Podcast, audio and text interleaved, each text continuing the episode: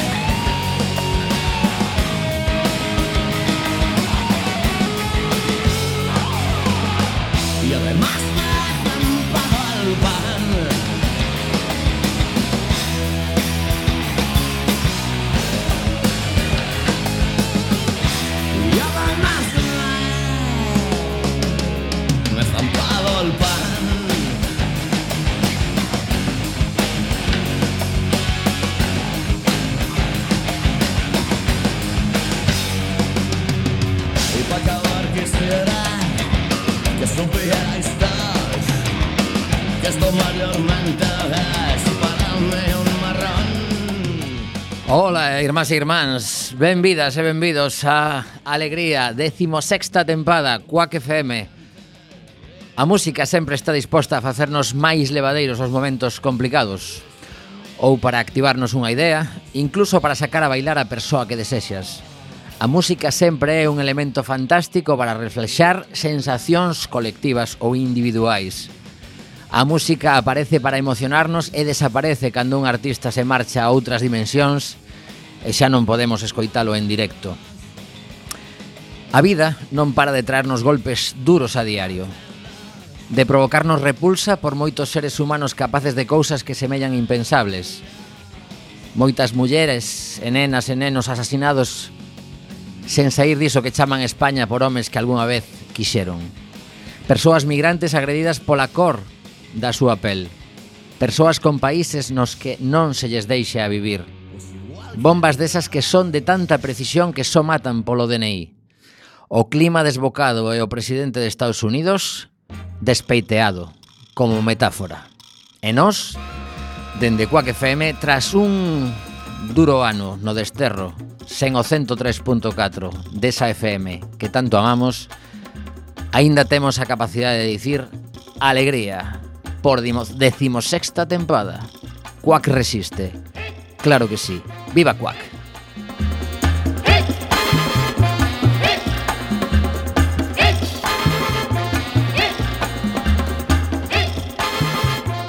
Xa estamos na festa da radio, isto é alegría No control técnico de son salvándonos un día máis eh, Roberto Catoira Agardamos que en breve podan estar por aquí Bea Ulalume e Mr. Bugalú, Mariano Fernández Que están agora mesmo nunha misión importantísima Agardamos que todo vaya ben. Mandamos bicos a Isalema que está nun deses países que está liando a cousa gorda na Unión Europea, chamase Italia e teñen un deses presidentes festeiros que ao mellor pasa un oso desapercibido un pouquiño máis porque o resto de países caramba, carambita, carambirula.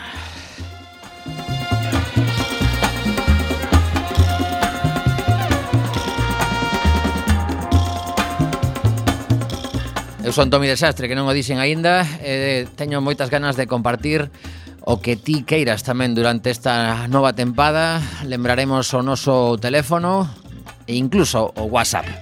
Non vai a ser que queras mandarnos unha mensaxiña. 881 012 232 Se fose ti, eu metería o móvil de Quack FM e, bueno, o fixo, e despois o móvil no WhatsApp. O fixo é 881 012-232. E agora imos polo WhatsApp para que compartas cando queiras con calquera dos nosos programas este para, para a emisora non de alegría. Lembra 644 73 7303.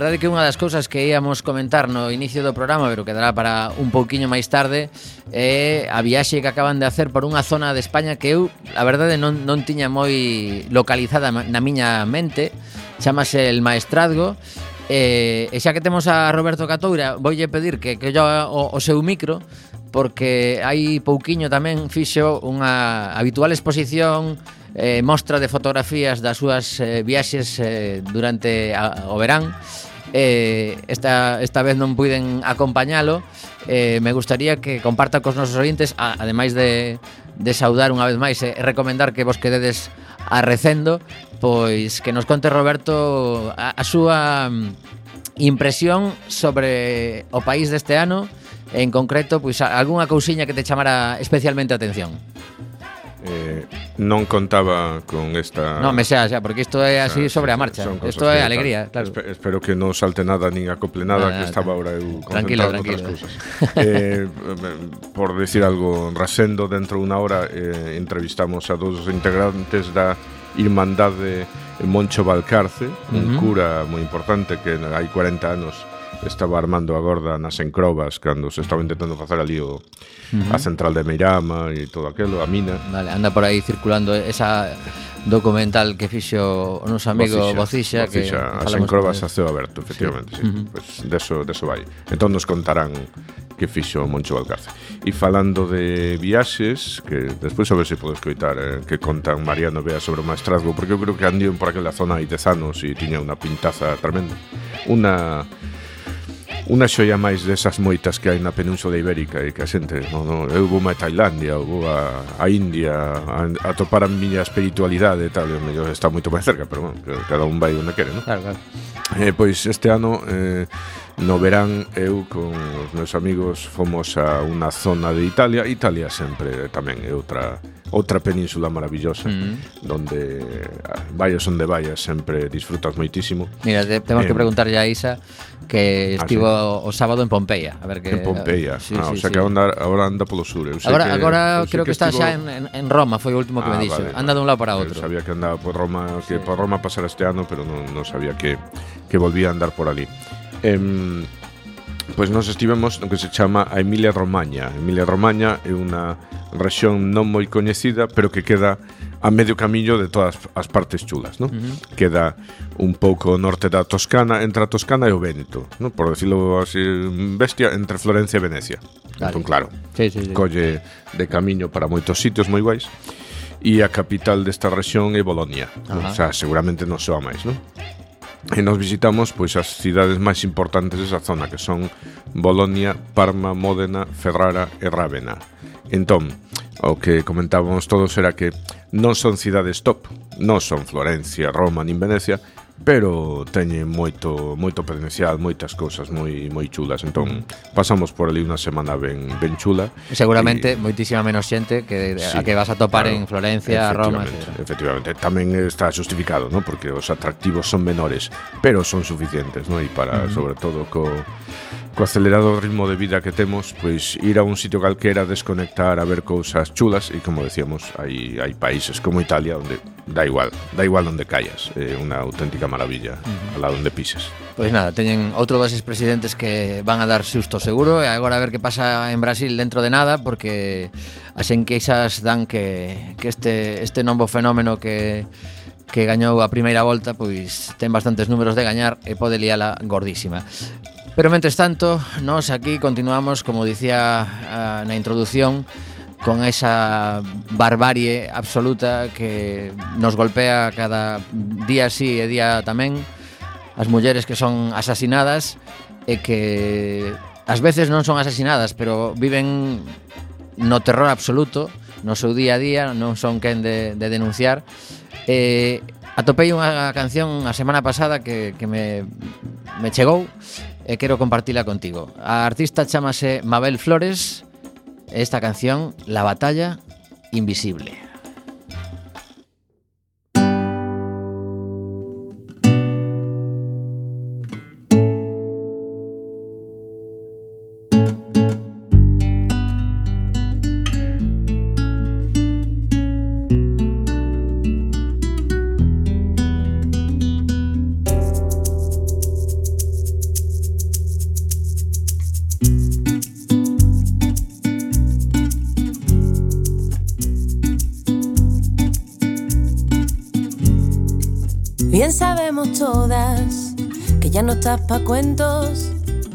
Que pasa de este tiempo ya te sientes mejor. Que ya no necesitas estar con mucha gente. Solo salir a la calle, gritarle a la vida, cambiar las reglas y echar otra partida. Pa' ganar la batalla invisible. Pa' ganar la batalla invisible. Hay que respirar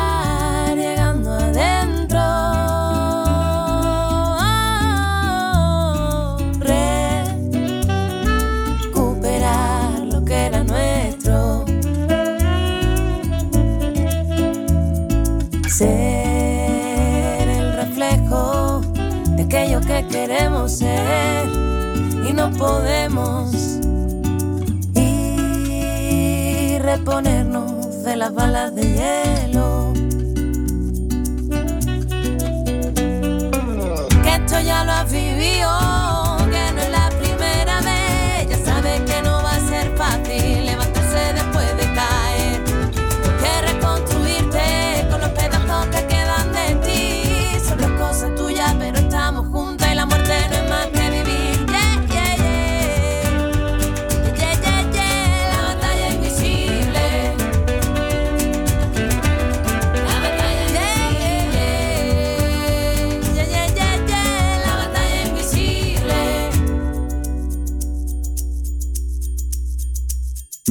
Ese vino y de no hay nada que celebrar. No te marches ahora, primita, que ya llegan las demás. A la que la red de hermanas que tienen como arma la sororidad. Tratar sin invasiones de curar tus heridas, vestirte la piel y arrancar las mentiras. Para ganar la batalla invisible.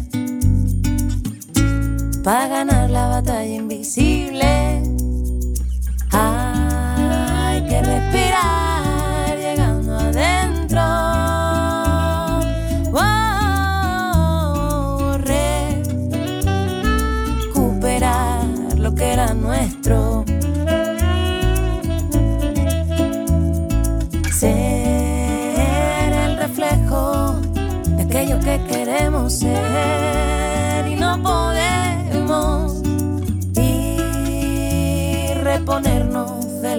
Yeah.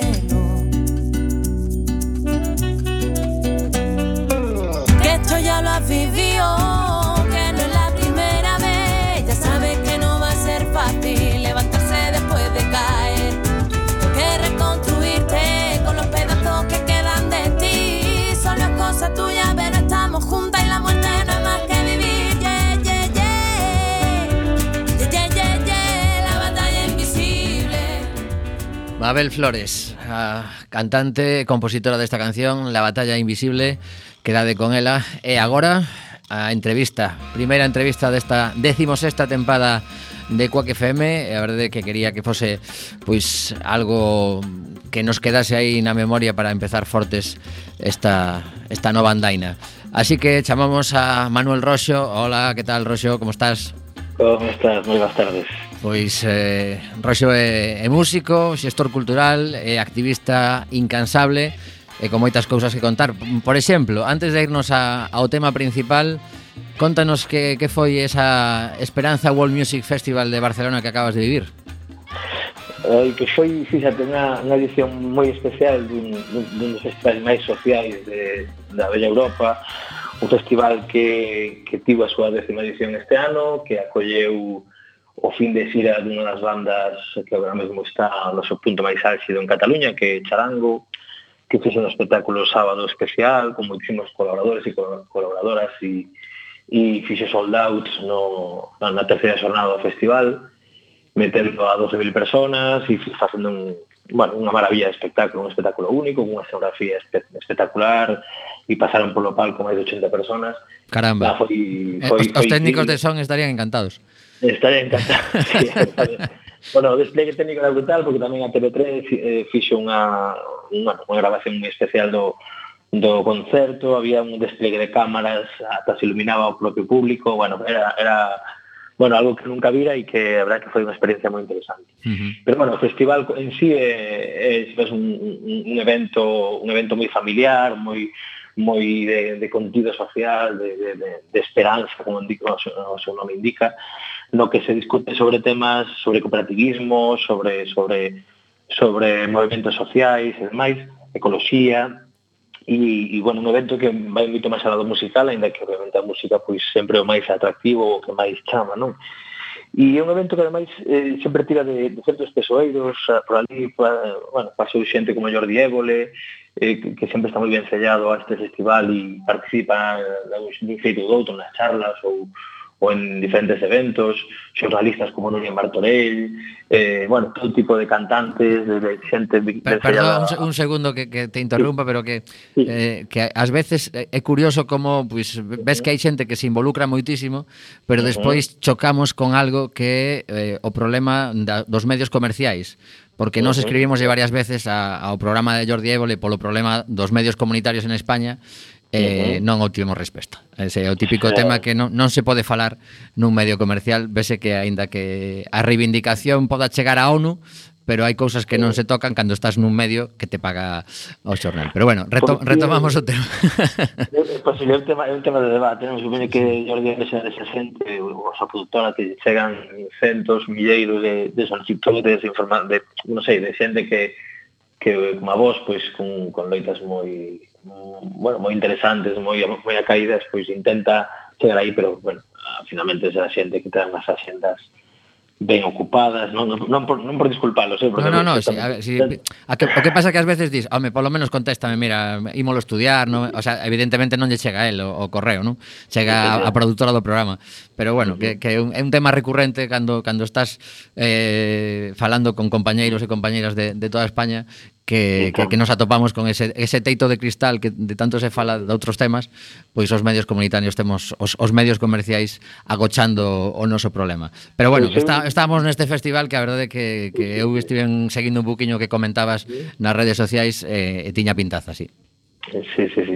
Eu, todo caso, con, con, comenzar o tema de antes, que, que non vos desanimedes e que cando hai loitas que facer, logo falaremos de xestión en Palestina, pois hai que hai que dar a loita, hai que, hai que estar aí, e, e vamos, por descontado, insistir a Jordi Évole, insistir a, a todo Dios, porque paga pena e, e aí seguides, non? Demostrando mm. que, que as radios comunitarias teñen un sentido, teñen todo todo todo apoio social e hai que hai que dar un xeito fomentar o seu, o seu, a súa escoita, non? que non é nada doado. Entón, por, por rematar co Festival Esperanza, non? para nós é un, é un, un gran referente, é un festival que ademais neste momento se topa nun proceso de cooperativización, é dicir que moita xente que pivotou en torno ao festival dende hai anos como a nós, eh, como o Festiclau, non? como a nosa entidade ou, o Vaya son rebeldía que levamos 4 ou 5 anos pois traballando man a man co, co esperanza pois de repente estamos entrando nesa, nese proceso de cooperativización e sendo parte eh, totalmente activa da, da organización eu este ano fui o coordinador técnico do festival e claro, vívese de unha forma moi, moi diferente a, a ir ali a disfrutalo como, como público non?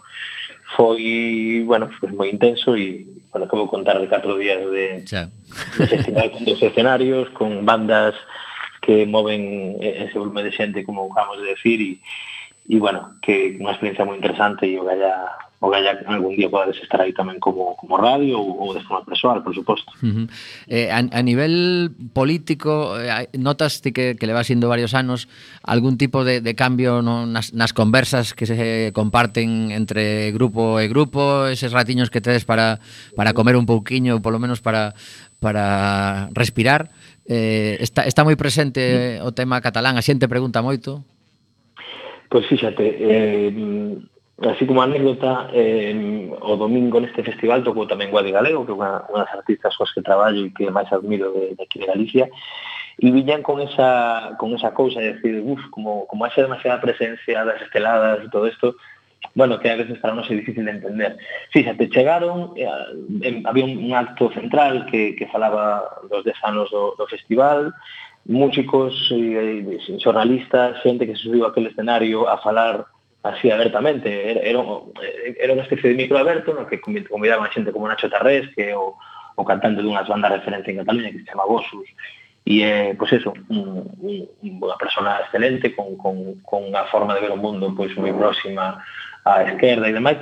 Pois nada, convidaban a, a, a certos persoeiros e persoeiras pois a, a falar sobre o que é o esperanza para eles e o cooperativismo onde estaba tamén o diablo, como falamos antes e demais. E, e moita xente falaba en castelán, moita xente falaba en catalán, pero cunha normalidade absoluta. Comentábame eso, varios membros do grupo de Guadi dicíame, pero este tipo non é o cantante de Vosos, unha banda catalana, con, con moitísimo arraigo, e está falando en castelán.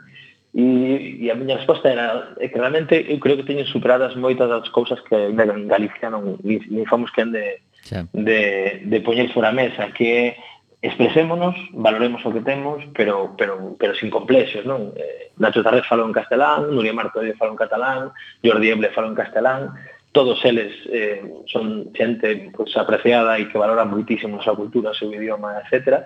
Pero non por eso eh, teñen ese presuizo de decir, bueno, pues me apetece, ou creo que hai un público para o cal dirixime en castelán e, e así o fixeron. Mm. Apenas se viron esteladas, en que no concerto de charango, por exemplo, que había tanta e tanta xente, pois pues, houve momentos pois pues, aí de, de exacerbación total do catalanismo e si sí, houve esas esas bandeiras, pero fíxate, eu vexo que, que, que a cuestión catalana dende, vista dende fora é unha cousa e vista dende, dende Cataluña, dende Barcelona neste caso, dende o Prado de Llobregat, dame a impresión de que é outra, non?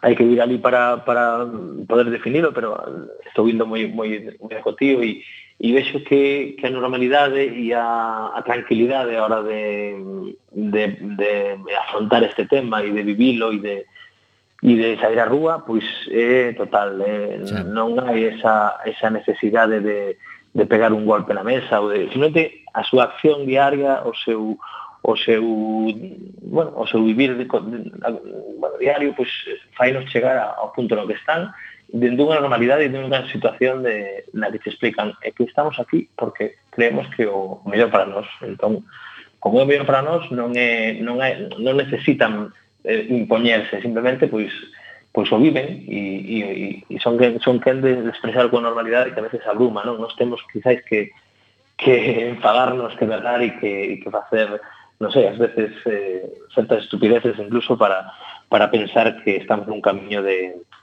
de loita social hacia a esquerda e demais, non? Uh -huh. Ali, a mí dá a impresión de que de que, bueno, por, por, por a súa historia e polo seu pola, polo seu proceso, non só proceso, non? o seu proceso vital como país, pois está nun punto dunha madurez e dunha solidez que, que vai moito máis alá de, de, desta, desta loita política, desta polarización que agora parece que se vive e que e que busca que as bandeiras españolas onden e os cataláns, que as bandeiras, que os lazos amarelos estean por todas partes. Isto é moito máis anecdótico do que nos pintan os medios. O sea, sí, a normalidade, a, a unha situación de, de incluso o cariño por todo o que ven de, de, de España a nivel, a nivel artístico, a nivel personal, e por suposto as políticas eh, nacionalistas españolas pues, que non, non as tragan e, e non pasan por elas eh, digamos de forma de forma normal. Simplemente pois ante todo eso que lles ven pois plantexan de forma tranquila pois pois a súa forma de ver o mundo non entón eu sinceramente admiro moito eh, admiro moito ese xeito de facer e me parece do máis civilizado que hai no Estado español, sen dúvida. Pois sí, eu tamén coñezo bastantes eh, cataláns amigos que, que non, non queren seguir aquí, digamos aquí entendido por, por eso que se chama España tal como se entende, pero, pero vamos, que o falamos sempre con, con respeto, con tranquilidade absoluta. Eh, non sei se tes a posibilidade de, de, de que temos así unha especie de eco, non sei se estás nun, nun espazo que, que pode facer eco para que te podas mover a un sitio ao mellor que, que non hai ou, ou non pode ser. Intento, sí, sí. Métome aquí neste lado da sala. Esta sí que ten certamente un pouco de eco, a ver se agora. Vale. Eh, sí, sí eu creo que un, un poquinho mellor. Bueno, pois temos temos a, a parte fundamental desta conversa, aínda que foi moi interesante o que levamos falado ata agora, pero que resulta que, que Roxo ni máis ni menos que, que tivo a oportunidade de pasar un, uns cantos días de setembro en Palestina grazas a, ao Festiclown, que é un evento do que antes comentabas que estás involucrado de hai bastante tempo. E, eh, eh, claro, mm, para alguén que nunca se achegou a Palestina, pero que levamos todos e todas moitísimos anos escoitando o conflito palestino, o que sucede ali, e de alguna forma, pois, vivilo, ademais vivilo mm, do xeito que, que vos con esa itinerancia de moverse con, con un proxecto artístico, pois seguro que nos podes contar cousas interesantes, entón vou intentar levar máis ou menos un, unha orde eh, na conversa para ver si, si sacamos conclusións interesantes. O primeiro, Con canto tempo empezades a, a preparar a, a vos a expedición a, a Palestina neste, neste ano 2018, por exemplo? Neste ano, pois, Eh, alá, a ver, é un, un traballo continuo porque fíxate que nós somos os que financia esa, esa, ese traballo, ese festival de, de en torno a dúas semanas que pasa por cinco cidades diferentes que leva a, a perto de 40 persoas cada ano. Entón pensa que o traballo de financiamento é, é un traballo inagotable, vamos sí, eh, temos sí, que estar sí, traballando sí. todo o ano eh, a moitos frentes para, para poder asumilo. Logo, involucrar a, a artistas e a persoas que, que coñecen a realidade do que está acontecendo ali polos medios ou, ou polas conversas informais e demais, claro, pensa que eso como lle pasar a moita parte da audiencia que tedes en Coaque FM, non? Que ven Palestina como un lugar en conflicto sen máis, como un lugar no que hai unha guerra aberta e que ás veces pois dices, bueno, que vou ir aí, non? Que vou a meterme nun, nun lugar así no que só me pode pasar algo algo, pois non sei, porque unha, desgracia, non?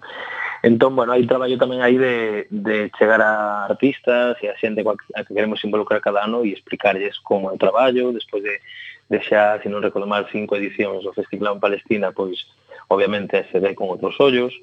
Nos co proxecto, dentro do seu primeiro momento, pretendimos facer unha especie de acción directa e levar a risa do Festiclown, un festival, un, un festival de, de payasos e payasas que comezou o ano 2000 en Pontevedra e que sempre tivo unha, porque nós a tiñamos, unha, unha vertente social, un, un fondo social que buscaba que a risa que acontecía nos teatros ou nas rúas eh, no seu do festival tivera un reflexo en, en lugares en conflicto, así fixemos caravanas en Chiapas, no Sáhara, en Brasil, e dende 2011 pois facemos o, o Festival Palestina. Entón, antes fixéramos caravanas eh, de compayasos e compañasas, levábamos un grupo de xente, facíamos 12, 15 días de, de eso, de, de, de traballo, de, de, de resoterapia, de, de levar un poquinho de da nosa risa lá, pero ahora, dende 2011, quixemos facer un festival, facer o mesmo festival que se facía aquí, o mesmo non, bueno, un festival con entidade, digamos, igual que aquí, pois pues, leválo a terras palestinas, e así aconteceu dun ano 2011, donde pudemos levar ese primer ano a 40 personas, entre elas eh, xente como Leo Bassi, como Pachadams, o, o médico da risa, pois xente, sí, artistas de, de, de todas as partes do mundo, Portugal, Chile, Uruguai, Francia, Italia. Sempre buscamos que haxa cuanto máis eh, trascendencia en certas en certos dos artistas que veñen, millor. Por qué? Porque pretendemos poñer o, o, digamos, o punto de atención no festival e que eso para nós tamén sexa un escudo. Uh -huh. Cando unha persoa vai por si sí mesma pois, pues, a un lugar así, perfectamente pode ter un revés e, e, e, e bueno, e o exército israelí decidir ti non entras porque estás bueno, apoiando de unha forma o que os israelíes chaman eh, terroristas, non? Un pobo non pode ser terrorista, un pobo actúa como é o palestino ante unha opresión totalmente eh, eh, como decir, mezquiña e, e, e interesada como é a, a do xercio israelí que está comendo terreo e está apropiándose dun, dun país como é o palestino con apenas con moi poquinhos recursos e, e, e bueno, con, con, con un, un, un, eh, situado nun enclave que sempre foi pois moi sensible, non?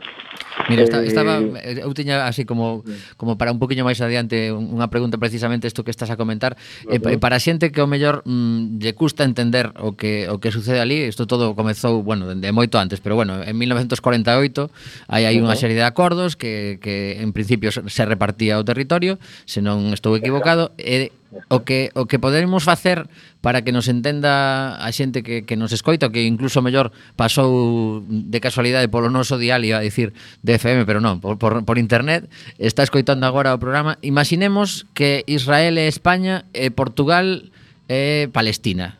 Que estaría facendo España con, Palesti con, con Portugal? Para eh, entendernos. Sí. Fíxate, para, para empezar xa sería xa partimos dunha premisa errada. Vale. Israel non existía. Vale. Israel non sería nin España nin Portugal porque porque Israel é algo que, que se inventa. Sí, sí, decir, sí, sí. Existía un lugar chamado Palestina, rodeado de outros lugares chamados pois eh, Líbano, Siria, Jordania, Egipto, que rodean o territorio palestino e Israel non existía. Non é un non é, non é un país, non era un non era un lugar recoñecible a partir do ano 48 o que aconteceu foi que comezou unha primeira experiencia eh, colonizadora eh, un, número, un número limitado de persoas eh, entraron a, a, a ocupar un hotel eh, na cidade de Brón ese hotel eh, foi sitiado polas forzas de ocupación israelí Israel, Israel xa tiña un exército propio pero non tiña un país propio. eh, É, cur é curioso de... ese dato, non? De, de onde sí. sai un exército se non hai país? Sí, é eh, todo parte de moitas premisas eh, na, na miña forma de ver erradas. Non, non, non, non erradas na realidade porque están dirixidas hacia algo. Eh, falamos da Guerra Fría, falamos dun, dun lugar de control e de dominio eh, ruso e que o único pé que pode ter aí eh, Occidente pois era este non país, non este lugar que, que deron en chamar Israel e que deron ocupar para ter bases militares e un lugar de, de ventaxoso a, a, perto do Oriente, do Oriente Próximo, non? Entón, isto é algo, realmente algo estratégico, algo inventado, algo unha, unha cuestión de un laboratorio que diseñou pois esta, este invento que se chama Israel, non? A situación é que, que Israel eh, expande, se dentro do 48, que, donde reparten de algún xeito tras os, tras os acordos pois, reparten o territorio, dándolle ahora sí entidade a, a, a Israel e, e negándolle parte do seu territorio a Palestina, pois dende este momento Israel continúa eh, despois de, de que permitiran esta colonización primeira en Hebrón, dixeron, bueno, se si nos permiten esto nos permiten calquera cousa. Entón, a partir de aí, pois van colonizando territorios e territorios e, e van facendo desaparecer o que é a Palestina e, e anexionando territorios para, para o seu control propio, non? Entón, a situación sempre... Entendo que son territorios eh, que teñen riquezas naturais ou é simplemente porque queren todo? Mm, hai de todo, decir, eles, o, o seu interese é xeográfico, eh, obviamente hai unha estrategia detrás, pero eles pretenden ter canto máis territorio, nos pasamos por zonas que son desérticas, pero co seu poderío económico eles son quen de levar auga, plantar céspede e, e ter piscinas, sabes o que te digo, é, bueno, é unha especie de, para mí unha especie de loita entre David e Goliat. Sí. David é un, é un neno que ten unha pequena, unha pequena leira e, e xoguetes por ali tirados e Goliat chega por ali, aplasta con todo e de repente di que eso seu porque sí, non? Entón, eh, a situación vai sendo esta, de feito este ano, por, por irnos un poquinho outra vez ao Festiclown, estivemos nun lugar que, que, que, bueno, non estaba na nosa folla de ruta, pero de un xeito chegou nos a demanda de visitar este lugar a 12 km de Jerusalén que o, o, o povo beduino o povo beduino é un povo seminómada son, son a xente que vive pois de forma seminómada porque teñen tres, catro campamentos e durante diferentes épocas do ano se van movendo, son, son eh, pastores e é unha zona ahora mesmo moi moi candente porque están ubicados nunha zona desértica que, que, é moi, que para os israelíes é moi interesante porque están tratando de facer un cordón eh, con asentamentos eh, eh, eh, digamos, con asentamentos eh, sionistas, eh, un cordón por todo alrededor de Xerusalén. Agora mesmo a única zona que lle falta é esta zona onde viven os beduinos, unha zona desértica que solamente eles son quen de facer vida ali que teñen a seu gando, teñen a seu, son pastores e demais, e de repente pois, pues, molestan, están nun lugar onde non deberían estar. Co cal, eh, nós estuvimos ali pois, pues, na, xa na parte final da nosa viaxe, durante unha mañá, pois pues, chegamos, falamos con eles uns días antes a través dos, dos contactos ali, dixeronnos que fóramos, ali fomos, estuvimos cos nenos ali, fixemos unha actuación co, con parte do lengo que levábamos e, bueno, escoitamos a súa, a súa, as súas vivencias, a súa situación actual. Había tamén ali un par de persoas activistas, unha, unha, unha muller de, de Xerusalén e un, e un tipo italoamericano que, que estaba por ali por eso, intentando coa súa, coa súa presencia, co seu corpo, pois ser de unha forma eh, algo que frenase este posible, esta posible entrada do exército israelí. Eh, fixemos unha actuación, escoitamos as súas cousas, as súas, as súas historias, a súa forma de entender o que estaba acontecendo e o día seguinte enterámonos que o exército foi por ali e que lle deron un papel no que decía que tiñen hasta, ata o día 1 de outubro para, para desmontar o campamento e marcharse. Obviamente non estaban dispostos a marcharse e, e acto seguido xa cando estábamos cando xa estaban aquí en Galicia topamos pues pois eso, polas redes novas nas que nas que o exército e isto é algo que ás veces moi habitualmente fan pois comezaron a unha especie de, de, de estrategia de presión na que derramaron moitísimo, moitísimas augas fecais neste, neste campamento para intentar persuadilos de que se foran, non? Fíxate que forma máis civilina de, de, de tratar de mobilizar a un, a un pobo que aseguro que non se van a mover dali ata que ata que pasen a, a forza bruta, non? eh, días antes nos comentaban que por ali foran bulldozers, estaban eh, facendo facendo chairo un terreo montañoso e eles creían que era para andalía, a uns, a uns kilómetros onde estaban, non? Eles creían que era para para mover, eh, cando os movan movelos hacia este lugar, que xa non molestarían tanto, e obviamente eles cando sentiron os bulldozers foron ali, puxeronse adiante, levaron preso a un deles, e esta é, é a situación de, de total eh, total, como se di, eh, Impunidade por parte do exército sí, israelí. Impunidade en, en defensión por parte dos palestinos, sí. non? que ven como, como, como alguén, porque sí, por as seus intereses propios, decide apartarlos do medio e mandalos a outro lugar, non? Porque a, a pregunta que nos facemos despois de tropecentas resolucións da ONU é que debería estar aquelo controladísimo polos cascos azuis. Sí, sí, pois pues todo o contrario. Ti viches algún? Viches algún casco azul? Non, vimos, vimos zonas de control da, das Nacións Unidas que zonas de control, non sei, bueno, unha forma de decirlo. Os, moitos dos campos de refugiados e refugiadas do povo palestino están baixo control da, das Nacións Unidas, da UNRWA. Eh, e a situación é dramática nestes campos, porque son campos eh, que, que no seu momento eh, foron destinados a acoller a un número, número pequeno de personas, pois pues, ponlle 500, 600 personas, montaban as típicas tendas de, de loneta pois para, para unha para cada familia, tendas de 3x3, cada familia ali naquele momento tiña unha media de entre 12 e 14 persoas, vivindo en tendas de 3x3 metros.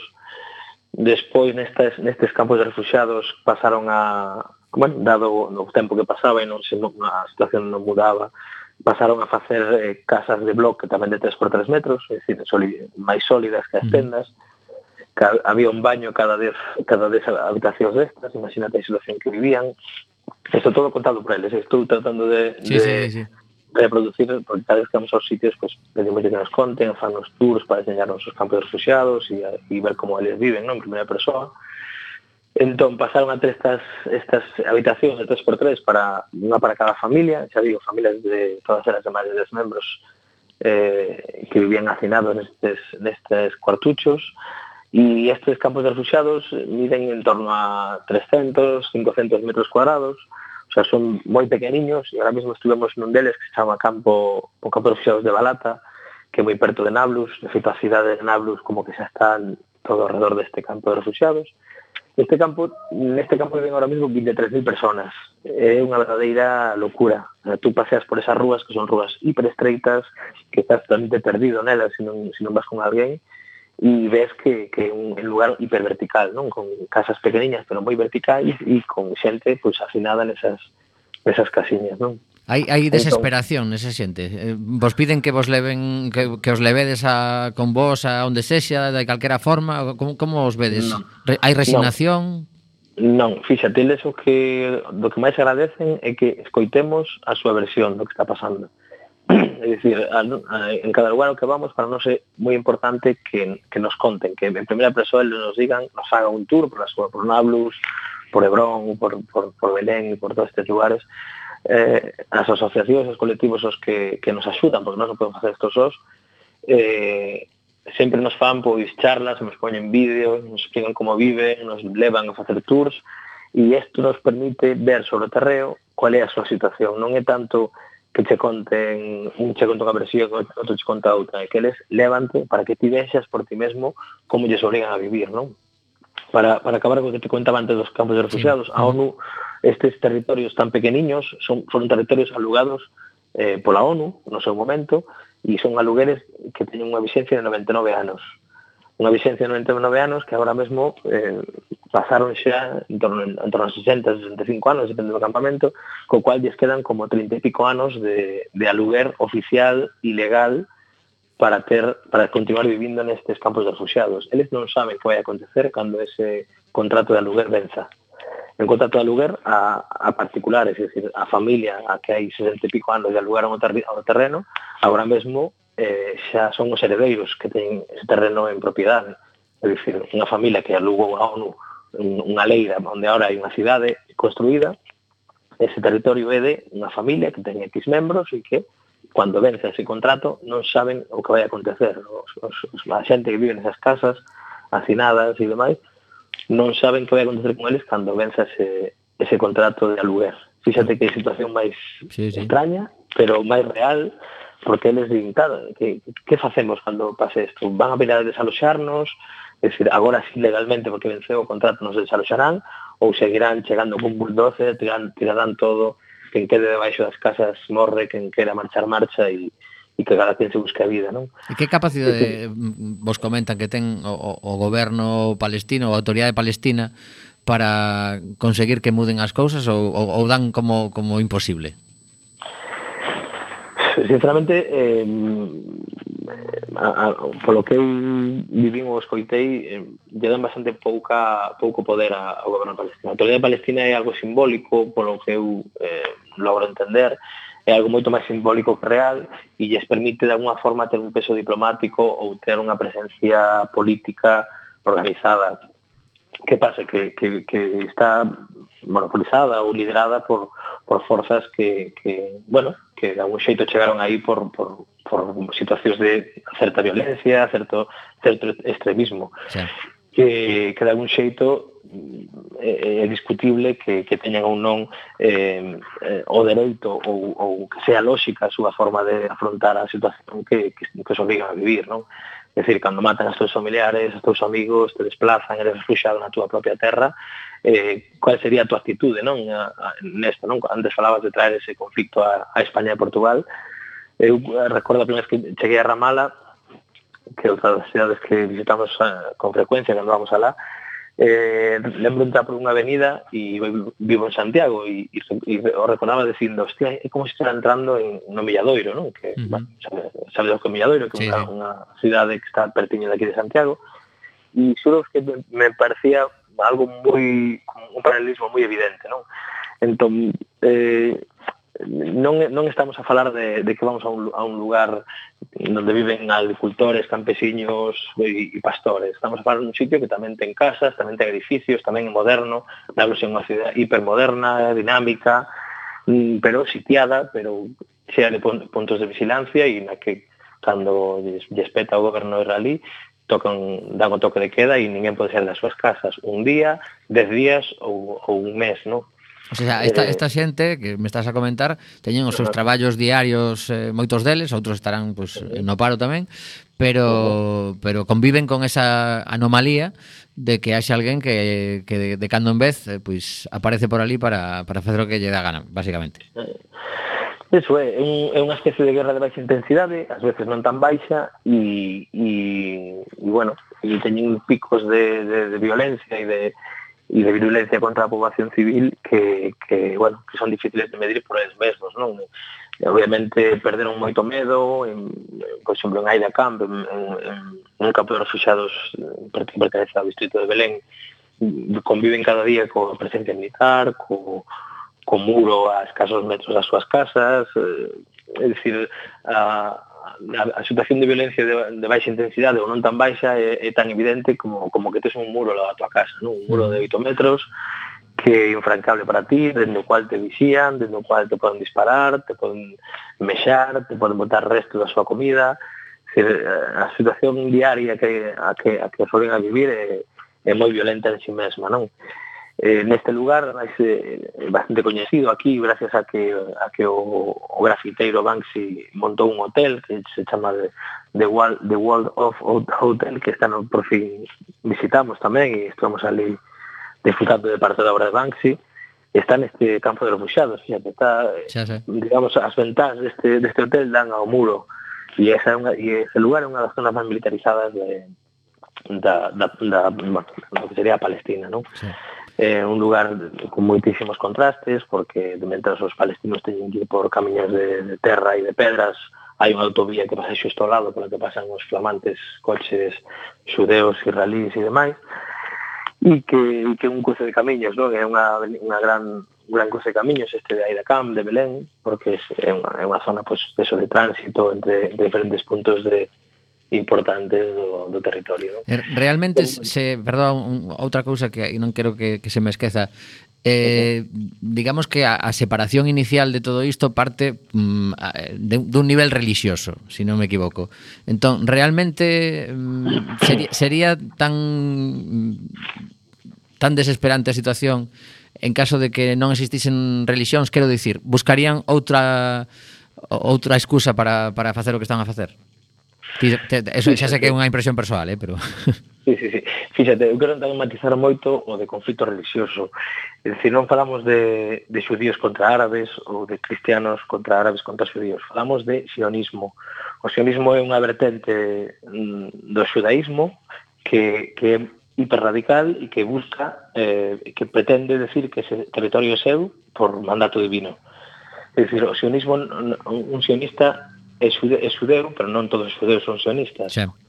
Co cal, eh, neste, neste lugar, en, fíxate, en, en Jerusalén, que é a capital de todo este de toda esta amalgama de religións, non só a árabe, a, a, mm, o sea, a musulmana, perdón, a cristiana, a xudea, sino moitas outras religións pequenas tamén teñen como como un centro importante o a cidade de Xerusalén, aquí conviviuse con seus máis e seus menos toda a vida e, e de feito sempre falan de moita cordialidade e de situacións puntuais de, de mellorar algún conflicto que pode acontecer en cualquier comunidade, non?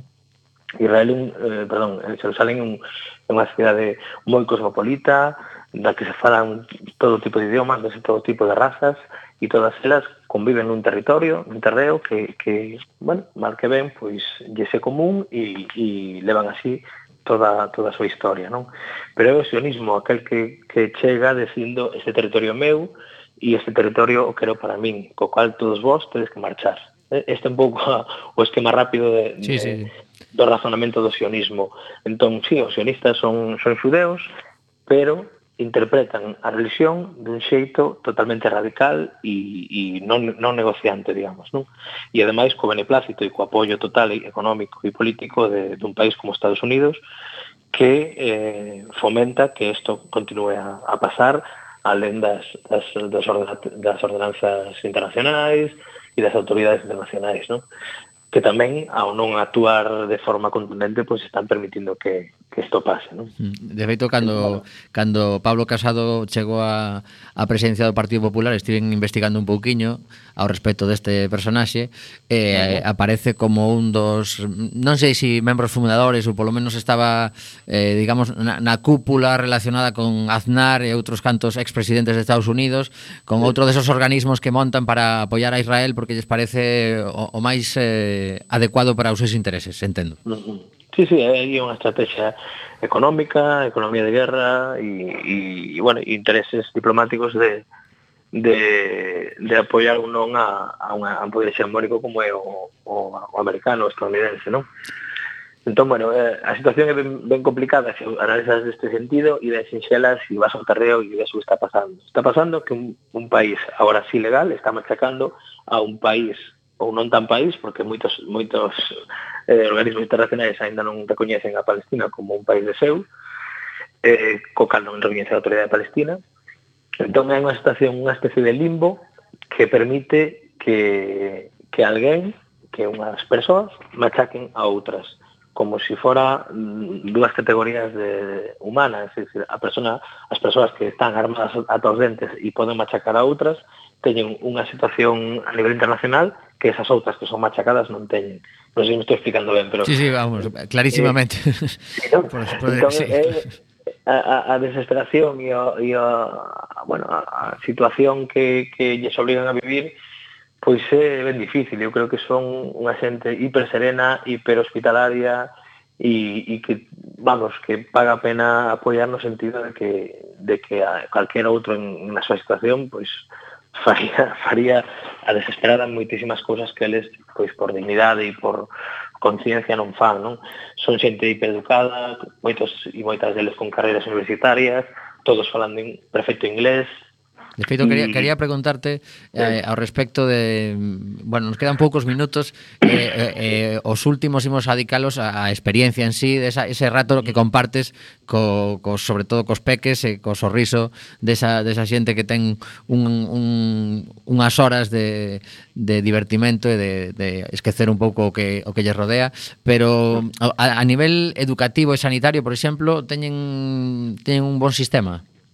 Polo que, polo que ti eh, viches, máis ou menos. Te, te, sí, teñen, uh, uh, digamos, a súa educación garantida, a educación obligatoria, eh, gracias a, obviamente, a, as axudas internacionais, a, a UNRWA, etc., pois teñen escolas e os nenos e as nenas van á escola como calquer neno e nena eh, das nosas cidades e vilas sempre, mm, e ou a maioría das veces, baixo unha situación de, de perigo, é dicir, eh, cando hai asentamentos de colonos eh, ocupando ese lugar cerca de colexios ou zonas de tránsito hacia colexios, viven situacións dramáticas de, de nenos e nenas colonos que, que, desprecian que, e que se violentan contra os nenos e nenas palestinos, de colonos co- armados sin ningún tipo de control e posiblemente ba- bastante idos da, da cabeza eh, atosigando a, a, a poboación civil palestina, queimando os seus olivares, os seus, os seus cultivos.